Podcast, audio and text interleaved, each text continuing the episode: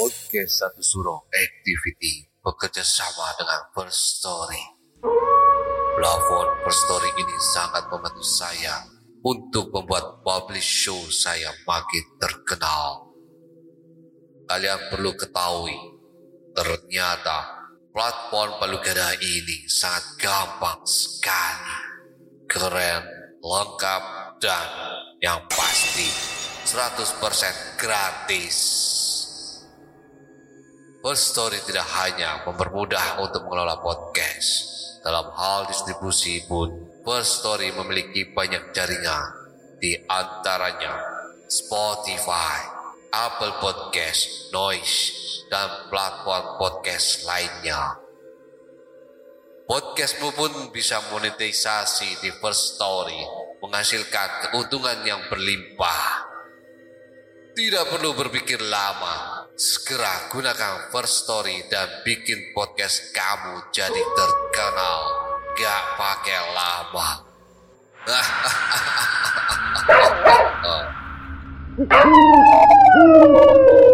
Sugeng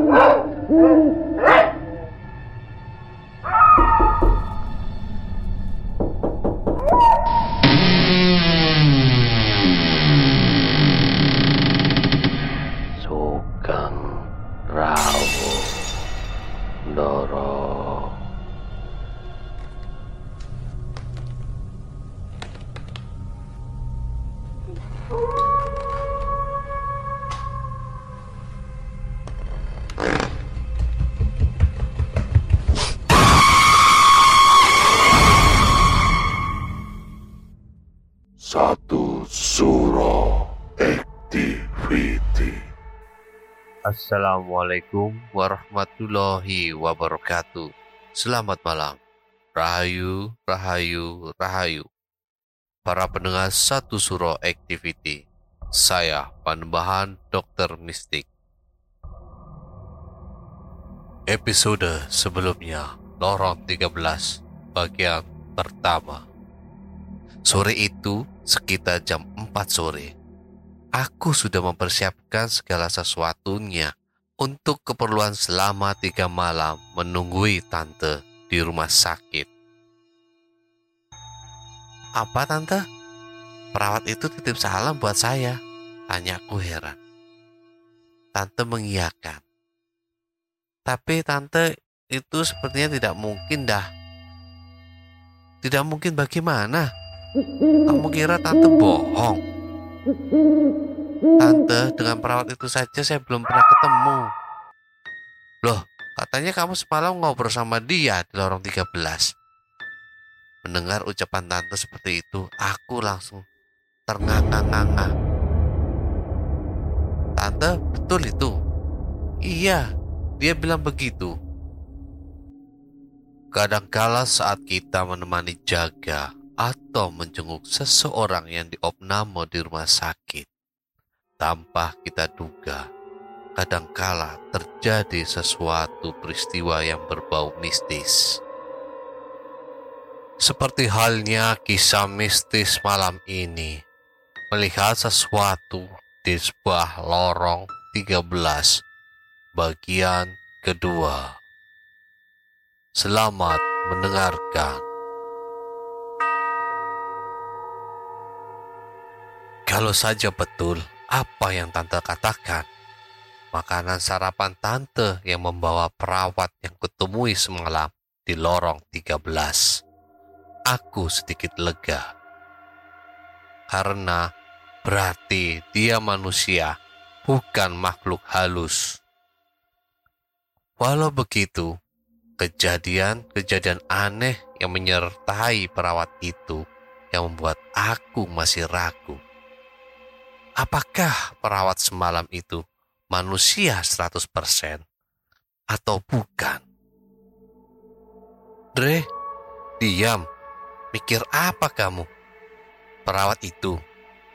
Kata-kata tante membuat lamunanku perihal perawat semalam jadi ambiar. Oh, anu, tidak tante. Cuma saya, saya heran saja kataku sambil mengusap-usap wajahku dua kali. Heran kenapa? Dia cantik kok, lain dengan perawat-perawat yang lain. Bukan soal itu, Tante. Terus soal apa? Tante Nuri sudah terlihat segaran, bicaranya sudah tidak lemah lagi nada suaranya. Soal dia sudah tahu nama saya, Tante. Padahal semalam saya tidak menyinggung atau bicara nama. Masa sih? Kamu lupa kali. Dia tahu nama kamu. Dan dia juga menyebutkan nama dirinya, Seruni, ujar Tante Nuri gamblang. Sudahlah Tante, tidak perlu dibahas. Cuma nanti kalau perawat itu kemari lagi, bawa obat atau apa, sampaikan salam saya. Emang kamu mau ke mana? Cari makan tante, sudah lapar. Tante Nuri tersenyum sembari mengangguk. Beberapa saat kepergian Andre ke warung dan sarapan, perawat yang biasa mengantar obat masuk. Selamat pagi ibu, sapanya ramah. Pagi juga, balas Tante Nuri, sembari meracik obat-obatan yang harus diminum pasien. Perawat itu memandang ke makanan yang ada di atas meja. Pandangan perawat yang bertugas membawa obat-obatan untuk Ibu Nuri yang ternyata bernama Bunga. Terbagi dua. Satu mencermati racikan-racikan obat yang harus diberikan ke pasien. Dan pandangan lainnya tertuju ke makanan pagi, Bu Nuri. Bunga tidak mengerti kalau basi dan sayuran untuk Bu Nuri bisa berada di kamar Bu Nuri. Perasaan bunga kalau perawat yang bertugas bawa nasi itu Rini dari pagi tadi ngobrol denganku. Tetapi mengapa nasi itu sudah ada di kamar ini? Jangan-jangan ini ulah makhluk itu. Nak, kamu sepertinya melihat nasi yang ada di meja itu aneh. Tanya Ibu Nuri yang diam-diam mengamati gerak-gerik bunga. Ah, tidak bu, tidak ada apa-apa, jawab bunga. Bunga sengaja tidak mau mengatakan sebenarnya ke pasien-pasien yang rata-rata sakit. Tidak boleh diberitahu. Dikhawatirkan akan menimbulkan ketakutan dan ini akan berpengaruh pada sakitnya. Selesai meracik obat yang harus diminum Ibu Nuri, Bunga langsung pamitan dan dengan langkah cepat masuk ke ruang perawat. Bunga langsung mencari Magdalena. Dilihatnya Magdalena sedang berada di dekat ruang kasir. Lena, sini, panggil Bunga ke Magdalena. Mendapat panggilan teman sesama perawat, Magdalena langsung mendekati bunga. Ada apa serus amat? Ujar Magdalena setelah berada di depan bunga. Sini, sebentar, kata bunga lirih dan meminta Magdalena duduk. Lena, kamu emangnya sudah masuk bawa makanan sarapan ke kamar pasien yang bernama Nuri? Magdalena menggelengkan kepala. Memangnya ada apa? Tadi saat aku bawa obat-obatan yang harus pasien Nuri minum, aku melihat nasi sarapan sudah berada di kamar pasien. Magdalena membesarkan matanya dan mengarahkan ke meja tempat makanan-makanan pasien berada sebelum dibagikan. Jangan-jangan Magdalena.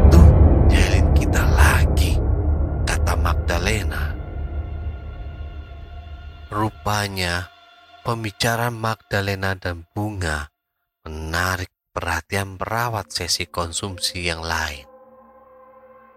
Emang ada apa sih ngah? Tentang Lena, hanya Siti dengan penuh antusias. Siti memang senang dengan hal-hal yang ganjil. Itu makanan sarapan buat pasien, sudah ada di kamar pasien. Padahal Lena belum antar itu makanan. Terang bunga ke Siti. Siti langsung melihat terbuka dan berkata, Hah? Kok? Hah? Gak percaya kamu? Percaya, percaya. Tapi terus, Siapa yang bawa makanan itu? Tanya Siti heran. Paling si Seruni, tegas Bunga. Kamu sudah pasti itu, tanya perawat yang lain. 100% pasti, kata Bunga, yakin.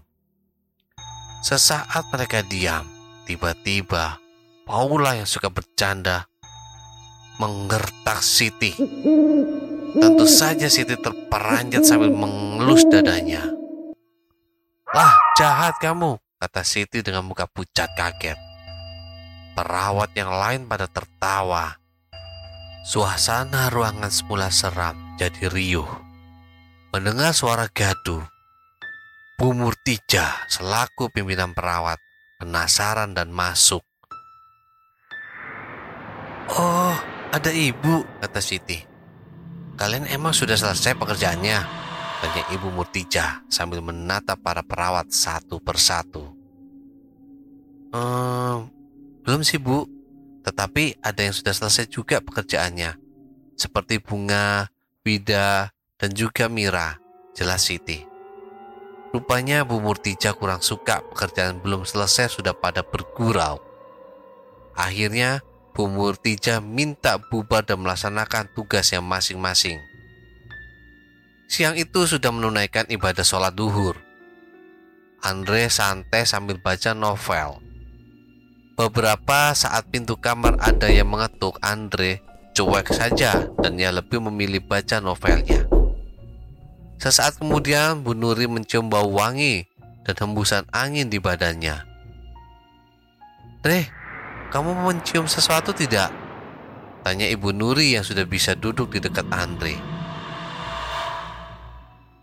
Enggak, bau apaan?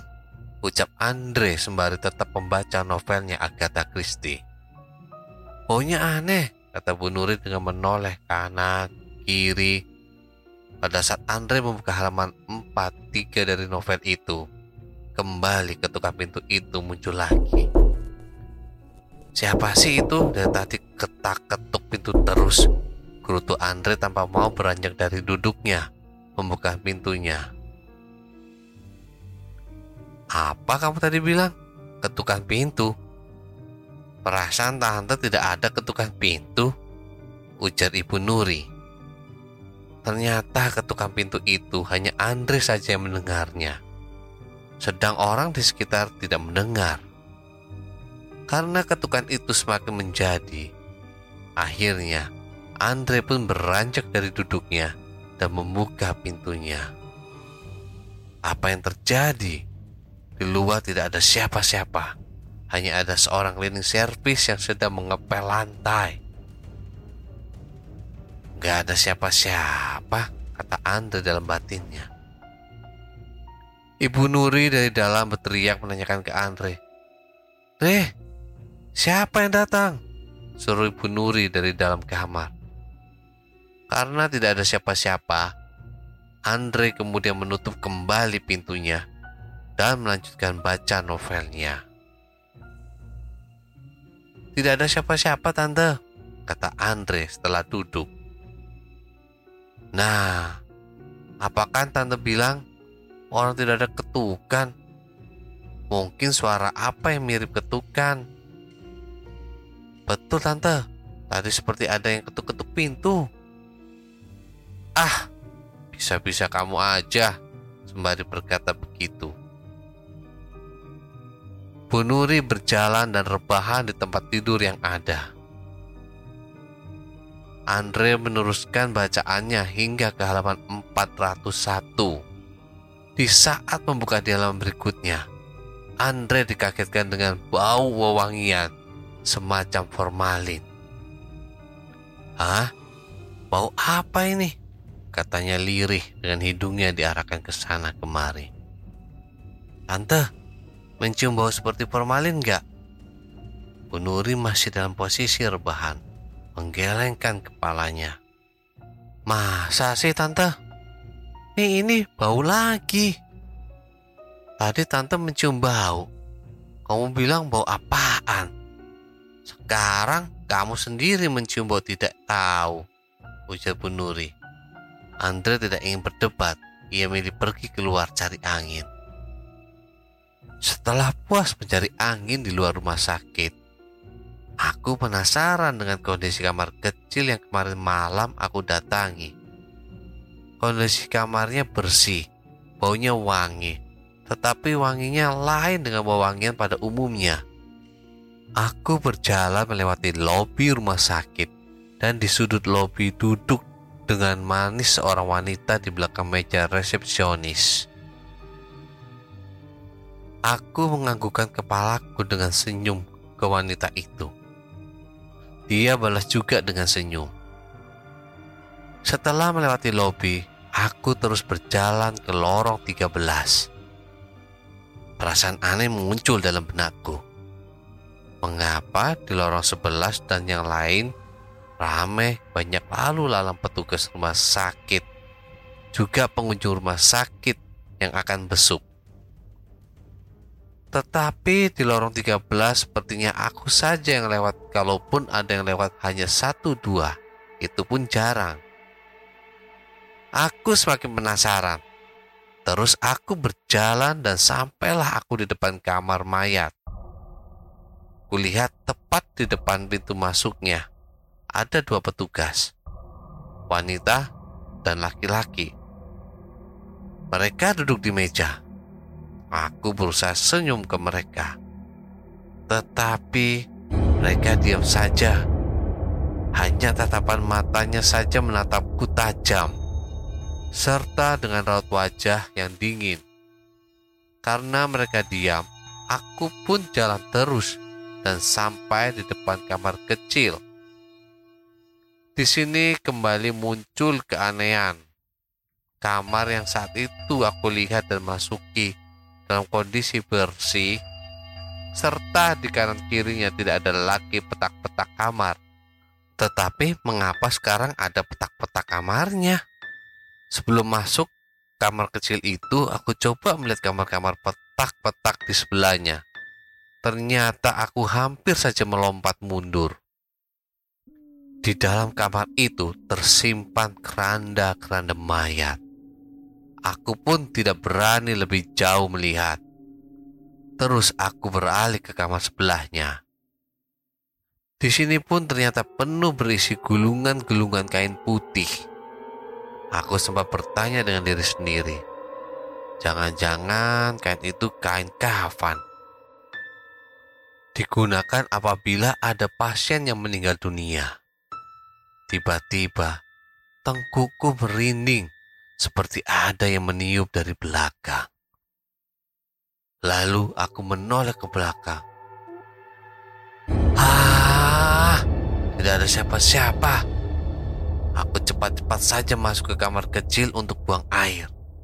Saat pintu kubuka, mendadak beberapa tikus keluar dengan suara cericitannya berlarian mengenai kakiku.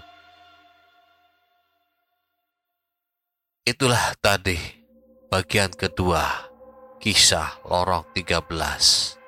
Nantikan kisah selanjutnya di satu suro activity. Para pendengar satu suro activity, tinggalkan catatan doa kalian di kolom komentar, like, subscribe, dan bunyikan lonceng keramatnya para sahabat satu surah activity tetaplah iling lan waspodo assalamualaikum warahmatullahi wabarakatuh. Salam salam salam. Rahayu rahayu rahayu. Sa